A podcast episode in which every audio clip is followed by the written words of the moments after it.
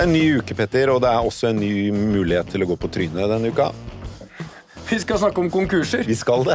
Og det er jo fantastisk. Det er morsomt. Nei, altså, for Det er jo, Det er det er jo på mange måter, det er, det er jo kombinasjon av katastrofe for noen og kongemulighet for andre. Ja. Har jo vært det som eh, på mange måter bygde meg. Det var at jeg kom inn akkurat når andre gikk eh, på snørra. Du har, eh, ikke sant? Både Sten og Strøm-konkursen, Ving nå eh, i fjor var jo to konkursbo hvor du eh, glatt seilet inn og plukket restene. Ja. Akkurat de restene, delene av restene hele. du ville ha. Tok alt. Tok du begge? Noe Tok du alt begge gangene? Ja, alt begge gangene.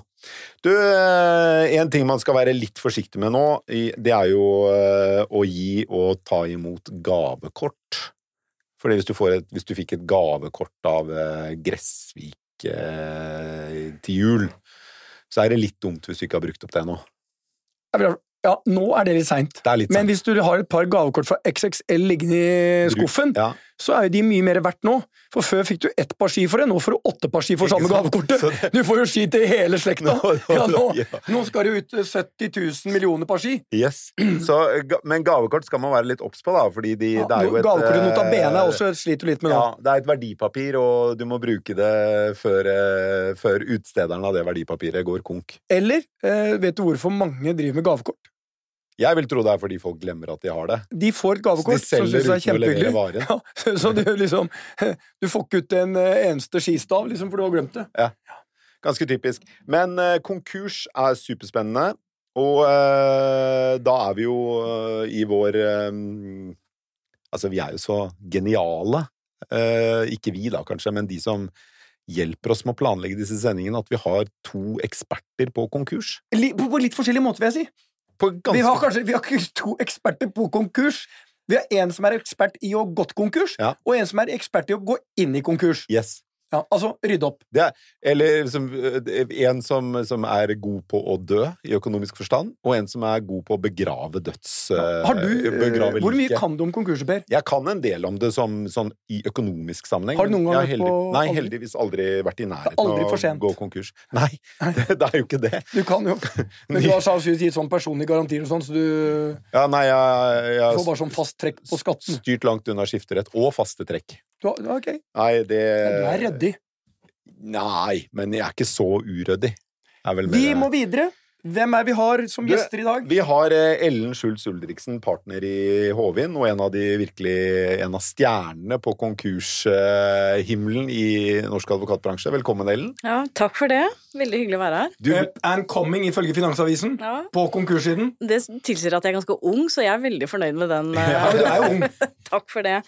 Og så har vi deg, eh, Didrik Egge Martens. Eh, Du er gründer av selskapet Bispot, men har, og som går bra, i hvert Ja. fall til nå, men eh, du har to konkurser bak deg. Ja, stemmer. Starte med deg. Hvordan føles det å gå konkurs?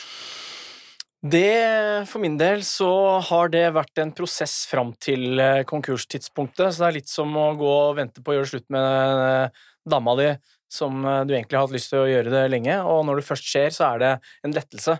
Det mange trodde rundt meg, var jo at eh, nå var det jo helt krise, og nå gikk jeg helt ned i kjelleren. Jeg hadde jo akkurat kvittet meg med det, den ryggsekken jeg gikk med. Så det var en lettelse å gå konkurs? Ja.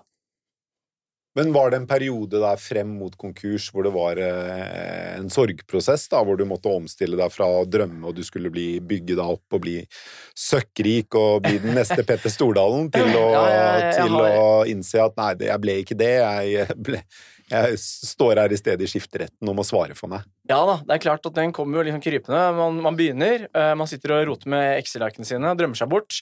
Uh, skal estimere hvor mye penger du skal tjene de nærmeste tre til fem årene, for det har du fått høre av investorene dine at de vil se. Og så sitter du der og ser på bunnlinjen og bare Det her er jo helt konge. Det går jo rett opp. Ikke sant? Det er jo ingenting som er mer enn det. Fremtiden er så lys at du må gå med solbriller på kontoret. Og så sitter du bare og drømmer deg bort, da, og så kommer det liksom sakte, men sikkert, så bare går ingen av de tingene den riktige veien. Og så går man jo inn i en prosess hvor man eh, eh, begynner mer å redde og slukke branner, og, og eh, lærer jo veldig, veldig mye på veien. Og, helt, og, derfor er det jeg sier at du, den sorgprosessen er egentlig ferdig, den, når du først går konkurs. Det er litt som at da får du endelig sagt at nå er det ferdig. Og da var jeg lettet, mens alle rundt meg var jo oi, oi, oi, shit, har du gått konkurs? Men Ja, Didrik, gikk du tom for cash? For det er ofte det som er problemet. Ja, ja, ja, ja, ja. Vi skyldte penger, vi har likviditetsproblemer herfra til måneden, som egentlig skal være plusser og minuser. Det skal være så lett å holde Hadde, på. hadde du lest min bok 'Never Run Out of Cash', så hadde du jo fått oppskrift. Men det er, det, er, det er noe med at jeg har jo gått på gründerskolen, jeg har gjort en del ting man skulle lære, og dette er plusser og minuser. Det er ikke vanskelig matematikk, men Hva er det som er vanskelig? Ja? Eh, Jeg tror det som er vanskelig, er at eh, er, altså For det første blir ikke inntektene sånn som du trodde, og dermed går alle prognosene dine i vasken. Eh, Og allerede der begynner det. Og så, for eksempel, så skylder man moms. Vi hadde jo noen inntekter, men moms fant jeg ut, at Det er jo den billigste Ja, men det er den billigste likviditetsposten man har. Vi skyldte 250 000 i moms, og så fikk jeg purring på 150 kroner. tenkte jeg bare yes, dette er jo billigste lånet jeg har hatt ever Ja, men så kommer det. Så går det Så forskyver Så bygger det seg bare opp en sånn backlog, og så til slutt så bare er det Har du vært i en situasjon at du har hatt sånn trekning mellom alle fakturaene? Hvem er heldig og vinner loddtrekningen i dag? I AS IT eh, Fremtid. Og så trekker du ut Oi, det var deg! Altså, Ja. fikk, eh, Du fikk noe. Der, ja. Ja, du fikk noe Men jeg, eh, det, det jeg har sagt, er følgende, og du har jo litt erfaring fra startups. Jeg sier hvis du har et regneark, som du sa, Mm. tenk på følgende.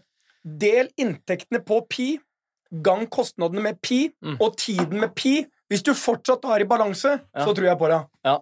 Ja, ja, jeg er ikke uenig i det. Altså, Vær konservativ på inntektene, eh, øk kostnadene, og som du sier, tredobbel tiden. Så, for det er, bare, det er bare sånn det er. Og skulle du øh, gå annerledes, ja, så er jo det en oppside, da. Og bommer du på det, da bør du vel begynne å revurdere litt øh, eh, hva, hva du driver med, da. Men gleden etter at nå går det bra fra. Du har fått inn BDO på eiersiden. Ja. Ja, Veldig bra. Så Prisingen var selvfølgelig altfor lav. Du ga de altfor billige aksjer.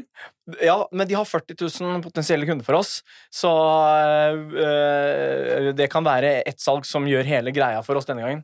Og de er jo i 150 land, så potensielt stor oppside. Så er vi villige til å strekke oss litt langt. Men Hvor mange ansatte har du?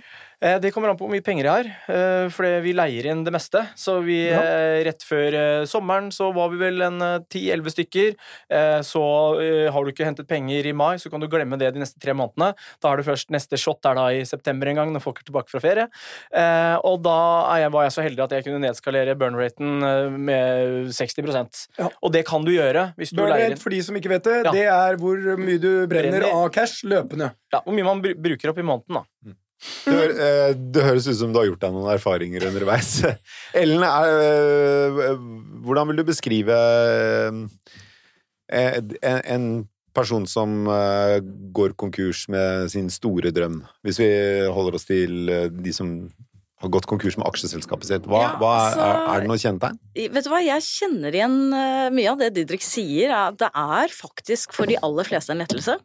Når de kommer på vårt kontor, og får egentlig beskjed om at ok, nå er det jeg som plutselig er styreleder, daglig leder, det er jeg som skal finne ut av om det er noe aktiva her, jeg som skal realisere, jeg som faktisk skal åpne posten, så oppleves det for de aller fleste som en lettelse. For at de har vært gjennom akkurat det han sier, den sorgprosessen. Sånn at eh, det pleier å gå veldig greit. Fordi du er, du er da bostyrer i et konkursbo, Mm. og da er du i praksis daglig leder Ja, for styreleder, virksomheten. daglig leder, du, er, du har egentlig alle hattene. Du er den som bestemmer. så Og du har må- alle fullmakter til å gjøre med boet Ja, de aller du fleste fullmakter. Idet den klubba går i bordet til dommeren, og du er oppnevnt som bostyrer, så er du på. Da må du stå klar til å ta beslutninger om hva du skal gjøre. Bare spole bitte litt grann tilbake der, for sånn at vi har det, den, den, liksom den tekniske tingen. Fordi Mm. det som skjer, er jo da at eh, et selskap eh, sliter med å betale regningene. Så er det én eller flere av de som har krav mot selskapet, som da sier 'dette går ikke lenger, Mm. vi slår dere konkurs'. Da sender de en konkursbegjæring til skifteretten. Oslo byfogd er bedt i dette tilfellet. I i dette Mm. tilfellet, ja. Oslo byfogd. Uh, og så, uh, hvis da dommer sier ja, uh, det er grunnlag for å slå dette selskapet konkurs, Mm. så finner retten en bostyrer som deg, Ja. som da går inn og rydder opp. Det er helt riktig. Og så kan jeg legge til at det, det er jo 55% av alle konkurser som åpnes i Oslo, i hvert fall, er jo Der er det jo kemneren eller Oslo, altså skatteetaten, eller kemneren, som er rekvirent. Og alternativet er Det er noen private rekvirenter, men som regel så For det så koster jo penger også. det koster er penger, ja, ikke sant, å gjøre dette. De skal sluses gjennom, og de aller fleste konkursene er jo nullbord, som vi kaller. Altså det kommer ikke noe ut i andre enden. Nei, det er ikke noe verdier. Men- Men det Ikke er sant? en veldig viktig ting her. For det du gidder jo ikke heller å jobbe med et bo hvis ikke du selv klarer å øh, få penger ut av det. Er ikke penger i boet, ingen er villig til å betale noe for det, så lokker du det bo ganske Ja, fort. men det dreier seg ikke om ikke gidde, det er mer at da må vi bare holde kostnadene på et minimum, fordi at kostnadene ved en bobehandling, det er, jo, det er jo det som enten er i selskapet av verdier, jeg kan kun bruke det til å Mm. dekke mine egne kostnader, eller så er det dette vi kaller som rekvirentansvaret, som er ca. 55 000, som den kreditoren som begjærer konkurs, må, må betale. Mm. Og er det ingenting, så lukker vi boet etter å ha brukt de eh, 55 000, og kanskje til og med mindre, hvis vi ser at dette er jo bare Så helt den waste. aller første og viktigste jobben for deg som bostyrer, det er å finne ut er det noe i boet her. Ja. Eh, hvis det ikke er det, så gjør du liksom kort prosess og bare Ja, det er jo noen obligatoriske ting vi må igjennom. ikke sant? Vi skal jo sjekke straffbare forhold, vi skal jo gjøre en del sånne ting, men det klarer vi innenfor den rammen. Men hvis ikke det er det, så lukker vi. Men det første og viktigste oppgaven vår er jo å sikre eiendeler. Hva har vi? Hva kan vi gjøre med de? Og hvordan kan vi realisere disse på en best mulig måte? Jeg husker jo som journalist i VG så jobbet jeg ganske mye med økonomisk kriminalitet. Og det var en, eh, en refleksjon jeg gjorde meg, det var jo det at var, det, det var jo ofte sånn at det var eh, kriminelle forhold som også var ganske åpenbare, men fordi det ikke var noen midler i boet, så brukte ikke bostyrer eh, den tiden som trengtes for å ha dokumentasjon nok til å sende over til Oslo politi eller hvem enn det skulle være. Eh, sånn at det var veldig mye økonomisk kriminalitet som kanskje ikke var så stor, men som bare eh, aldri ble politianmeldt, aldri ble noen politisak, fordi det ikke var penger i det for bostyrer å, å hente frem dokumentasjonen. Ja, altså det du kan si, det er jo et eh, veldig viktig samfunnsoppgave det vi snakker om nå, og heldigvis er det slik at vi har jo eh, en garantiordning som vi kan søke Justisdepartementet hvis vi avdekker forhold som vi mener må undersøkes. Da får vi penger til å gjøre den jobben. På den annen side har vi også etablert veldig gode ordninger på at veldig mange av disse små, jeg jeg vil ikke si det bagatellmessige forholdene, men de følges opp av skatteetaten og kemneren i forhold til eh, uttak, om det må- må- måtte være det, regnskapsovertredelser, slik at det, det, det som er det største problemet, er kanskje de forholdene som er ganske grove, men hvor du egentlig ikke har kommet på sporet av det før penga, pengesekken er tom. Men Og- vi må bare inn med sånn praktiske delen av det, for at det, det, dette er jo så spennende. Er. Nå, nå har vi, nå, vi har altså akkurat i liksom siste dager, eh, siste uker, så har vi hatt en av Norges største retail-konkurser, Gressvik.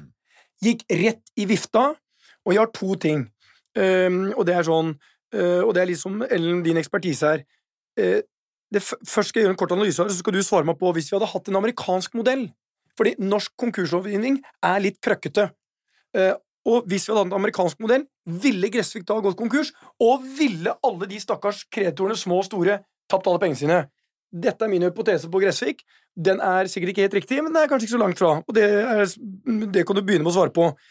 Gressvik blir satt i konkurs fordi de selv leverer inn og sier de er basically insolvente eller Ja, de inngir et oppbud. Sier Et oppbud. nå er vi insolvente. Og så viser at største kreditor er eieren selv, Olav Nils Sunde, med 700-800 millioner, kanskje opp mot en milliard. Så kan de nå Det er en bostyrer der som kan rydde opp, gå ut av leiekontrakter, la være å betale regninger. Og den som kan by å få dette tilbake, nyvasket, brettet, lagt perfekt til, det er den gamle eieren. Han har ikke tatt en stor beating, men alle de andre har tatt beating. Er det sånn det skal være, Ellen? Ja, det er et eh, veldig kompleks eh, og vanskelig spørsmål som Det er derfor du må svare på det på en enkel måte. På en kjempeenkel måte. Eh, på et generelt plan, da, uten å gå nøyaktig inn i Gressvik, da, så tenker jeg at et sånt case som det, hvor du har store panthavere, hvor også eierne er panthavere, for det er jo en forutsetning for deres resonnementet ditt, det er jo at man har gjerne en bank som finansierer og har lager pant, og så har du eiere som også finansierer. Og da har de jo puttet inn ganske mye penger, de også, for å få virksomheten til å gå rundt, og da har jo de også eh, pantesikkerhet. Da er det jo slik at hvis man hadde trukket pluggen eh, umiddelbart, så sitter du igjen med et varelager som da skal realiseres, og så skal jo det, eh, altså provenyet gå til panthaverne. Og da er jo spørsmålet, skal man da drive dette videre, hvilke interesser har man da? Hvis man får til en virksomhetsoverdragelse, så vil jo, vil jo vil man i hvert fall kunne redde ganske mange arbeidsplasser, og ganske øh, mange kanskje lokasjoner også, sånn at gårdeiere fortsetter å få inntekter. Men disse småleverandørene, det er jo det som er utfordringen, og jeg opplever at det er det som er kjernen i det du spør om, de blir jo sittende igjen med null og niks i et sånt scenario. Og det er kanskje ikke så bra. Men hadde vi hatt en annen type lovgivning, så mener jeg konkurs burde vært forhindret i en sånn situasjon. Hadde vi hatt mer av chapter 11 som du sikter til, hvor Amerikansk konkursmodell. amerikansk For konkursmodell, anledning til å restrukturere ikke sant? for tid. helt annen type instrument enn det vi i dag har etter norske regler. For etter norske regler, hvis du skulle restrukturert dette her og unngått en konkurs, så måtte du ha skaffet 25% minimumdividende og 75% stemmer som sier ja til det. Og så er det mange andre ting. Det er, det er rett og slett den verktøyskassen vi har i dag, er rett og slett helt ubrukelig, ikke fleksibel i det hele tatt. Du kan ikke bruke den som et restruktureringsverktøy. Fem begjæringer de siste fem årene. Ikke sant? Fem. Ja. Fem totalt i Norge? På gjeldsforhandling, Ja. ja. Det, det, det bare illustrerer hvor lite. Og når vi har vært gjennom den olje- og offshore-krisen som vi har hatt, så Ja. kan jeg bare fortelle at alle de har skjedd utenrettslig, og da er du helt avhengig av 100% flertall. Og med et 100% flertall så skaper det et ganske vanskelig klima, særlig med ulike finansielle strukturer, ikke sant. Ulike typer kreditorer, eiere, panthavere, obligasjonseiere, usikrede obligasjonseiere, som alle må bli enige om løsningen. Og da får du en sånn makt, eh, maktkamp, Så du egentlig. sier egentlig hadde vi hatt en eh, chapter 11-variant i Norge, altså amerikansk modell, så kunne konkursen i Gressvik vært unngått.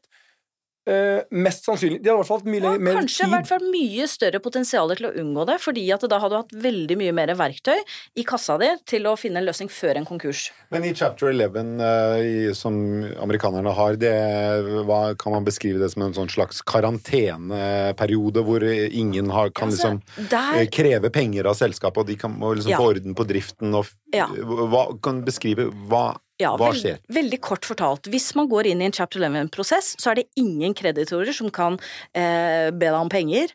Du får ikke lov å betale noen. Eh, og selskapet får tid og rom til å utarbeide en plan eh, mens de driver business. Og til forskjell fra i Norge så har man også eh, finansielle instrumenter som gjør at du kan finansiere driften i den perioden. Det redskapet har vi ikke i Norge på samme måte. Slik at eh, debitor kan drive businessen as usual, samtidig som man jobber med en plan, en restruktureringsplan. Og så har du helt andre typer verktøyskasser ved at du kan plassere noen kreditorer i den bolken, andre i den bolken, og så kan du rett og slett tvinge gjennom en plan hvis dommeren mener at denne planen er vesentlig bedre enn en konkurs. Ikke engang vesentlig bedre, bare den er bedre enn en konkurs. Hvordan, på hvilken måte mener du dette er bedre enn eh, den norske konkursloven, hvor du bare Er du konkurs, er du konkurs. Ferdig Ja, med altså, fordi at eh, I en konkurs så vil stort sett verdiene være eh, altså wipet. Altså, det er verdiforringende i seg selv. Mens hvis du unngår det, og leverandørene sitter igjen med 5% da, så er jo 5 vesentlig bedre enn null. Systemet ditt, altså sånn som Gressel, Mm. så basically Hadde de hatt en sånn modell, så ville de kunne fått tid. Og banken var sikra, altså, mm, etter hva vi leser i avisen. De har et stort varelager, de har et nett, de har en systemverdi, og de kunne fått andre på banen. Det, er- et multiple varianter her. Ja. Men én ting. Midt i denne greia her sånn Didrik, du har, Mm. hatt, du har noe som heter Fuck Up Nights. Ja, Det er det sannsynligvis ikke Olav Nils Sunde hadde, men du hadde det. Hva er det? Det, er et konsept som jeg tror Et konsept. Ja. eh, Interessant. Som, Et konkurskonsept. Ja, det er rett og slett et konsept som jeg tror startet i Sør-Amerika, som er i de største byene rundt omkring i verden nå. Hvor eh, rett og slett eh, det er kveldsevents hvor folk som har gått på trynet, forteller historiene sine. Eh, og Der var jeg da under Oslo Innovation Week og fortalte historien på Mesh foran eh, rundt 300 mennesker. Eh, og det, det, det, var, eh, det var på en måte på slutten av dagen, folk hadde begynt å ta en øl. Det ble, det ble nesten litt sånn stands. Anonyme alkoholikere. Jeg heter Didrik og konkurs to ganger. Hei, jeg heter Didrik. Ja, bare to ganger. Hei, jeg heter Petter. Jeg har kjøpt to sånne. Ja, det ble, det ble litt sånn standup over det. Det ble god stemning, og det ble gjort eh, på en kul måte. For det er ikke noe tvil om at det å snakke om konkurs, særlig i gründermiljøet som jeg kommer fra, er eh, tabu. Eh, alle, events, stigmatiserende. alle eventsene jeg har vært på, da leier, eh, det, leies det inn de beste gründerne som forteller om suksesshistoriene sine, hvor fort det gikk, hvor mye penger de tjente, hvor mange ansatte det er. Det er helt irrelevant for en som sitter og prøver å starte opp, eller vurderer å starte opp. Og den nerven treffer man når man snakker om det. Og gjør man det på en litt sånn kul måte, og uten å drepe motivasjonen til de som står der og har lyst til å starte opp, så tror jeg det trenger man. Jeg hadde trengt det. Det er derfor jeg gidder å gjøre det. For jeg tror at det hjelper folk, da. Opplever du det som skamfullt? Det har gått konkurs et par ganger. Nei, jeg gjør ikke det, men eh, jeg, jeg, jeg, jeg tror at andre gjør det. Og jeg har liksom fått eh, Nå som jeg startet igjen, da eh, altså Hele grunnen til at jeg startet igjen, hele ideen min om Bispot, det selskapet jeg gjør nå, er jo basert på feilene mine. Det er jo alle feilene mine satt i system.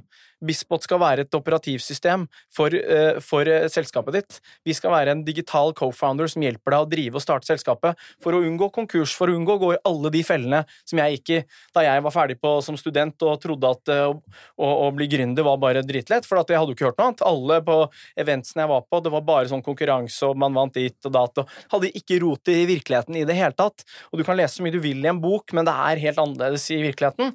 Og, så den ideen jeg har nå, hadde jeg jo ikke hatt. Jeg hadde ikke, jeg hadde ikke visst hva det var. Den ideen jeg nå jobber med, som tydeligvis eh, er vellykket nok til å få partnerskap med en av de største regnskap- og revisjonsbyråene i, i verden. I USA så er det sånn Der forventes det at du har gått konkurs et par ganger. liksom. Der er det, I Norge føler jeg det er ikke bare skamfullt, det er stigmatiserende. Det er liksom, 'Å ja, du har gått konk, du'. Ja.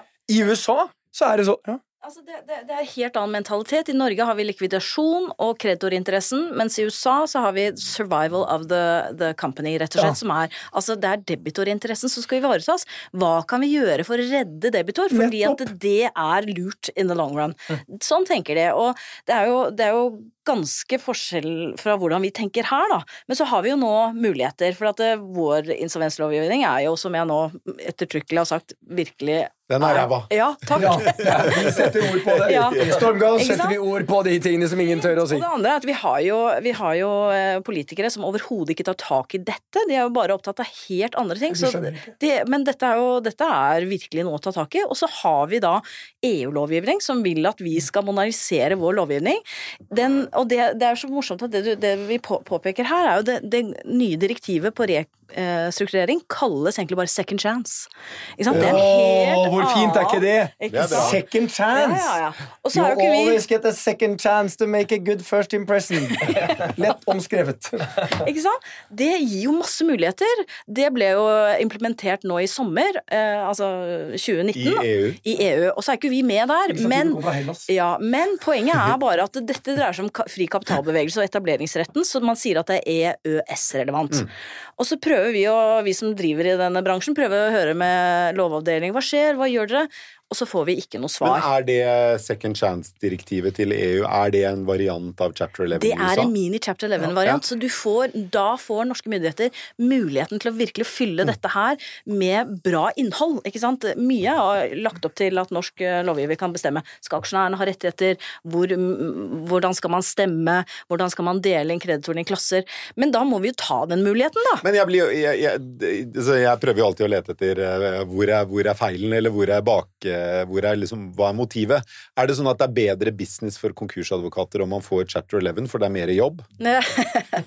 Er det, er ja, men, men det, det ene utelukker ikke det andre. Nei, det ene utelukker ikke det det- andre, men, men er, det, er det det? Vil det være mer, eh, bedre tid for konkursadvokat hvis man fikk en chapter 11-type Altså, Chapter ordning? 11-varianten vil Altså, jeg tror sidrillene i verden vil aldri havne inn i en norsk eh, rettsprosess.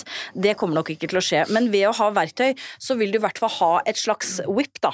Ved å si at ok, hvis ikke vi blir enige nå, så kommer vi til å feile i Norge. For, og, og så vil det være vesentlig mer realistisk nå enn det det har vært tidligere. Så kanskje det gjør noe med dynamikken og klimaet i forhandlingene til å finne gode løsninger. Men du, det er én ting jeg bare må spørre deg om. fordi eh, igjen tilbake til da jeg var eh, VG-journalist og jobbet mye med denne type saker, så tenkte jeg ofte over hvor rart det må være å være konkursadvokat.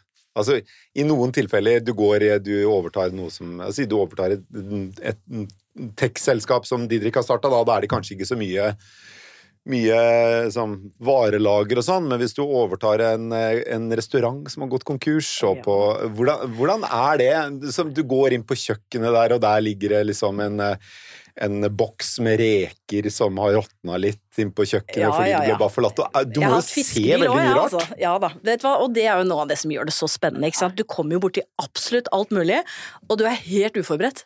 Du får bare en kjennelse, og så lurer du på hva i all verden er dette. Så kan det være inngangværende virksomhet, restaurant med full virksomhet, og så tenker du ok, nå må vi i hvert fall servere gjestene og bli ferdig etterpå, da, så kan vi ta dette Ja. litt senere i dag. Eller så kan det være frisørsalongen, det kan være tekstselskapet, det kan være vaskehallen, hvor man plutselig må ha med seg politieskorte. Du får hva som helst, Men og du vet eller ikke. det få er klar over. La oss si at du har en pizzarestaurant, 40 enheter, gå konkurs, Ellen kommer inn. Hun har da full rett til å gå inn der sånn, ny daglig leder og sier vi fortsetter å servere pizza, vi fortsetter med det, vi kjører butikken, og hun blir plutselig da Pizza Ekspressen, og hun er advokat, og kan kjøre det så lenge hun har positiv cashflow, klarer å finansiere det. Her ruller det på, pizzaen går ut. Og da, og det er det, altså, hvis jeg Hva er skulle det rareste du har drevet, ja, Ellen? altså, Skulle jeg hatt én jobb i advokatbransjen, så hadde jeg vært konkursadvokat. Det må være kjempegøy. Åpenbart. Hva er det rareste ja. du har drevet? Nei, det er Fiskebil. Ja, fiskebilen var ikke noe sånn særlig stas, for der virket jo ikke fryseelementene, så det var et lite problem. Det er ikke noe moro. Da lukter det, da lukter det av konkursen. Ja, det er ikke bra. Da stinker det. Da stinker den. Det er en interessant prosess å være med på andre Ja. siden også, når vi ikke har gjort Ja. det før. Ja. Og vi erklærte oss selv eh, konkurs, sånn som man også kan gjøre. Ja. Man må ikke vente til noen slår deg konkurs. Man ser det jo selv hvis man har litt kontroll. Eh, og da eh, må du først få godkjent det. For hvis de mener at du ikke er insolvent og har eh, midler For du til gikk å da til byfogden i Oslo jeg gikk ned på tinghuset og sa at jeg mener at vi er konkurs, og så sa de det er vi enig i. For jeg hadde rett i det. den utregningen. Og Sjekk, så- Didrik. Ja, Du er det. Men vi skal huske på en ting, bare, bare det du er viktig det du sier. Hvis du ikke gjør det, Ja. så kan du bli holdt rettslig ansvarlig, for da driver du for kreditorenes regning. Altså de som Ja. du, så det du gjør, viser bare at du er eh, etisk, moralsk eh, Ja. til stede og skjønner skriften på veggen. Ja, og, og- det som var tilfellet her, var at vi hadde ø, stått overfor en emisjon, ikke emisjon, Ja. om vi skulle dytte inn mer penger i selskapet eller ikke. Og når det til slutt ble nei, da gikk jeg ned, og da kunne jeg også bevise at jeg hadde ikke drevet for kreditors regning. Mm. For vi hadde en plan, men den planen ble, eh, ut, utfallet av den ble ikke ble konkurs. Og det er jo som en styreleder jeg eh, jobbet med, og som et av de første liksom, styremøtene jeg var i med henne, hun sa det at på, i og med at ikke vi tjener penger, at vi er liksom, eh, ikke har kommet opp eh, dit ennå, så skal vi alltid ha punkt nummer én på agendaen eh, konkurs eller ikke. Og jeg ble jo litt sånn eh, snurt, da, vet du. Hvorfor faen skal vi snakke om det? Yeah. Eh, vi er ikke konkurs i det, dette går jo dritbra. Nei, det gjør det ikke, for vi tjener ikke penger. Ah, ok, greit. Så så, det er ikke verre enn at vi sier bare nei og så går vi på neste punkt. Det kan ta to sekunder, men det punktet Men hun skulle ha det som første punkt på agendaen. Ja. Hun skal du bruke igjen. Og hun, skal hun er mentor, og hun, hun har jeg lært veldig mye av. Hvem er det? Du, eh, det er en som heter Anne Karin Sogn, som eh, Skryt jobb- Sogn i dag. Ja, og hun eh, har jobbet i 1881 og Fjellinjen og blant annet. Så Ja. veldig, veldig fint å, å lære av, eh, av det. Men eh, eh, poenget mitt var at så får du lov til å gå konkurs, og så spurte jeg ok, hva skjer nå? Da kan du bare vente her i sentrum, for at innen en time får du en telefon. oh, ja. Eh, og så subbet jeg litt rundt nede Og så ringte en sånn som Og så ringer konkursstyrer og sier du, nå, alle de fleste av dere er jo nede i byen, så det er ikke så langt. Og da var det bare å gå dit. da. Det tok ikke en time, jeg tror det tok en halvtime. Jeg rakk å bare gå litt rundt. raskere enn det. Altså, Ja, ja, Time, så jeg- da har du ligget litt på latsida. ja, Det er tid det penger her nå. Ja, så jeg, jeg, gikk bare rundt, og så var det da å pelle seg ned på det kontoret.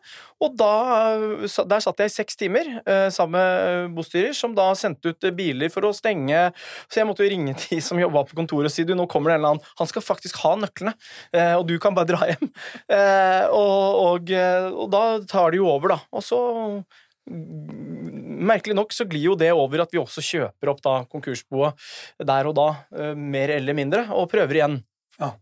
Men det, og det er ganske vanlig. Mm. Men um, siden vi har da Ellen her, så må jeg jo spørre om følgende. Jeg var jo sjøl nylig med på å overta Ving. Eh, Et gigantisk selskap, omsetter for eh, 14-15 milliarder, og var jo et strålende selskap. Vi hadde et morselskap, altså noen som var eier i, som var helt fucka. Eh, De hadde bokstavelig talt trengt et par sånne runder på fuck up nights.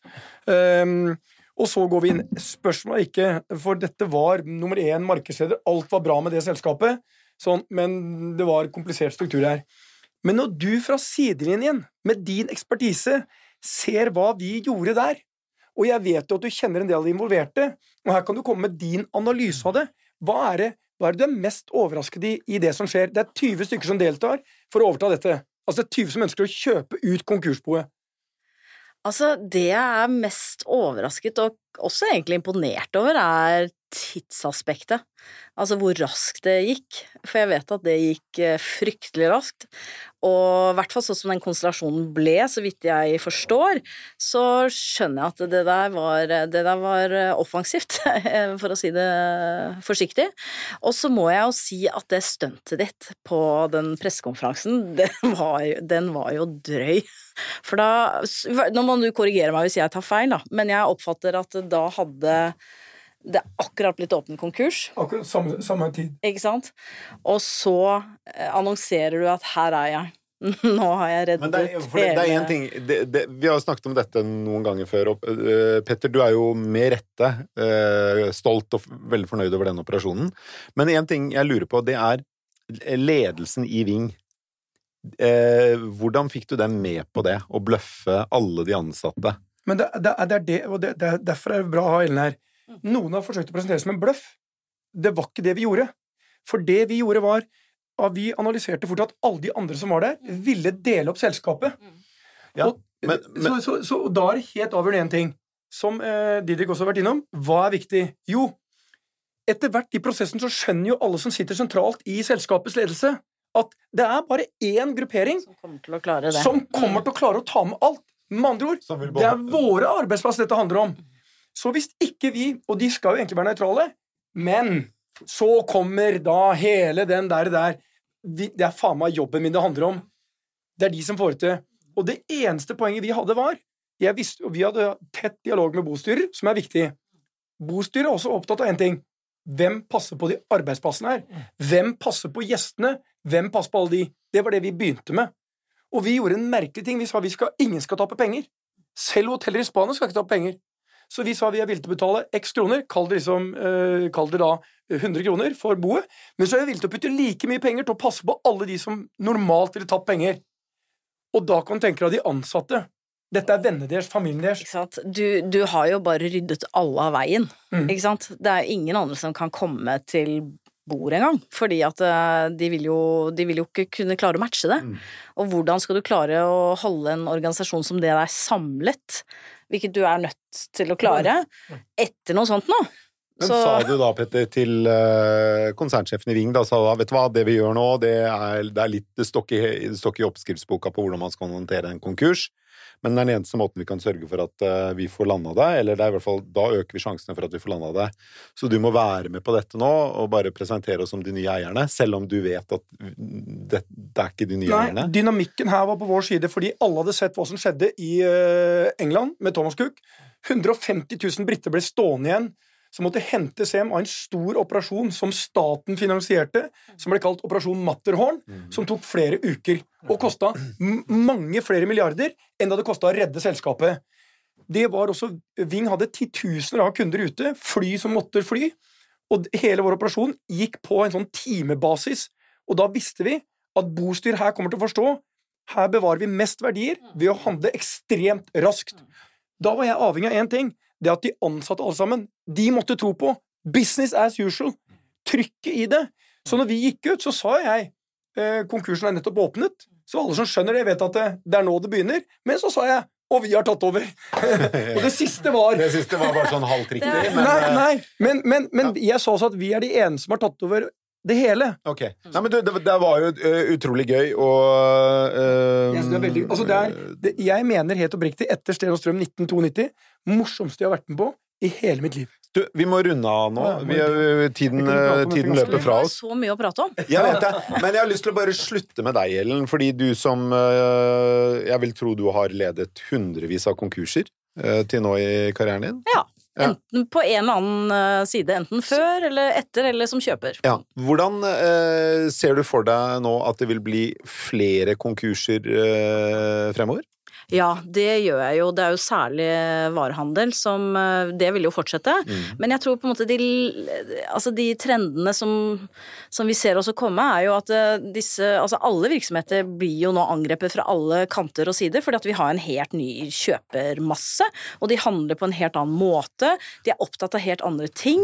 Det er bærekraft, det er ESG, det er Altså, investorene vil ikke investere med mindre de gjør det på denne måten, slik at det skal ganske mye innovasjon nå fremover til for at man skal klare å overleve. Så for sånne som deg, så vil det være gode tider fremover. Ja, vi, vi håper jo å redde mye òg, da. Ja, ja. Så, Ja. så jeg tenker at det er ikke nødvendigvis død, det er bare en uh, Men jeg kan ikke la deg slippe ut her. Jeg har to korte spørsmål som bare må svare på. Det ene er Du skal få lov til å nevne to gjennom tidene, de mest legendariske, altså moderne tid, de siste 25 årene, Konkursadvokaten i Norge. Dine to, hvis det er to du ser opp til, hvem er de to navnene, og hvorfor? Jorodin, min mentor, eh, og jeg var så heldig å være hans fullmektig i mange år. Eh, Han var skjøtt, var det ikke det? Nei, han var i Thommessen. Han var i Thommessen. ja. Mm. Så jeg skrev ut andre navn her. Skal vi se om jeg har rett. Ja, det tror jeg òg. Ja, fantastisk eh, Hvem er neste? Ja, og Jeg skal skrive, jeg, Det er skal så mange. det. ja. Jeg har jo lyst til å si en blanding av Knut Ro og Ståle oh! Sommernes. Knut Ro. Oi, oi, oi. Petter og jeg tippet Knut Ro. Ja. Og, og begge, altså, Ståle er jo dessverre Ja. gått bort, men de to jobber, jobbet i samme selskap. Ja. Og Knut Ro er jo en eh. Ja, jeg òg. Se her.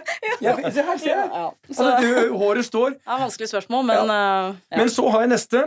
Alle har en annen eh, legendarisk eh, Madsen. Han var jo også stor. ja, ja, selvfølgelig. Leif Petter, altså Ja, ja, det er mange her, Ja. men, men han, han ble jo spurt av Dagens Næringsliv uh, av alle konkurser og alle bod har vært gjennom, hvem var den morsomste?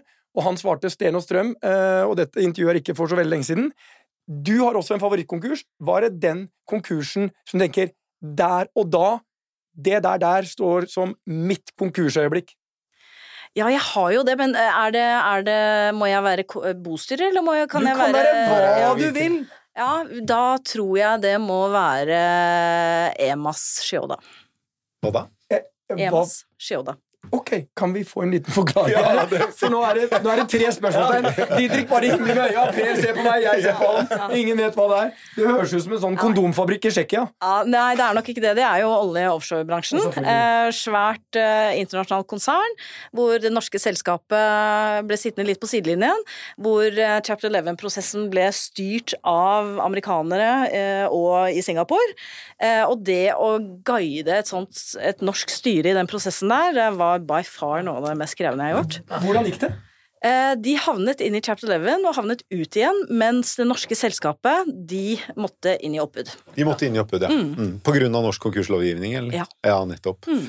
Ok. Eh, dere, tusen takk. Superinteressant tema. Vi kunne stått der Vi kunne vi stått eh, Ja, dette er Altså, så gøy. Vi har så mange situasjoner Ja, jeg i. lurer Og husker jeg har kjøpt masse selskaper i rett i den fasen når de er på vei inn. Og jeg mener, det få glemmer, det er i enhver konkurs, glem aldri det, så ligger det enorme muligheter. Ja. For kortene skifles ut på nytt. Og du får skrella av så mye. Så hvis la oss si at du hadde hatt et selskap, Didrik, og Ja. ideen var jævlig god, Ja. så kan du gå inn og begjære oppbud og ta tilbake selskapet selv. Ja. Som jo er det Olav Nils Sunde muligens gjør i Gressvik også. Jeg tror vi satser pengene våre Ja, på det. det, det, men det er nesten så jeg får lyst til å gå konkurs her. For dette er, så, dette er så spennende.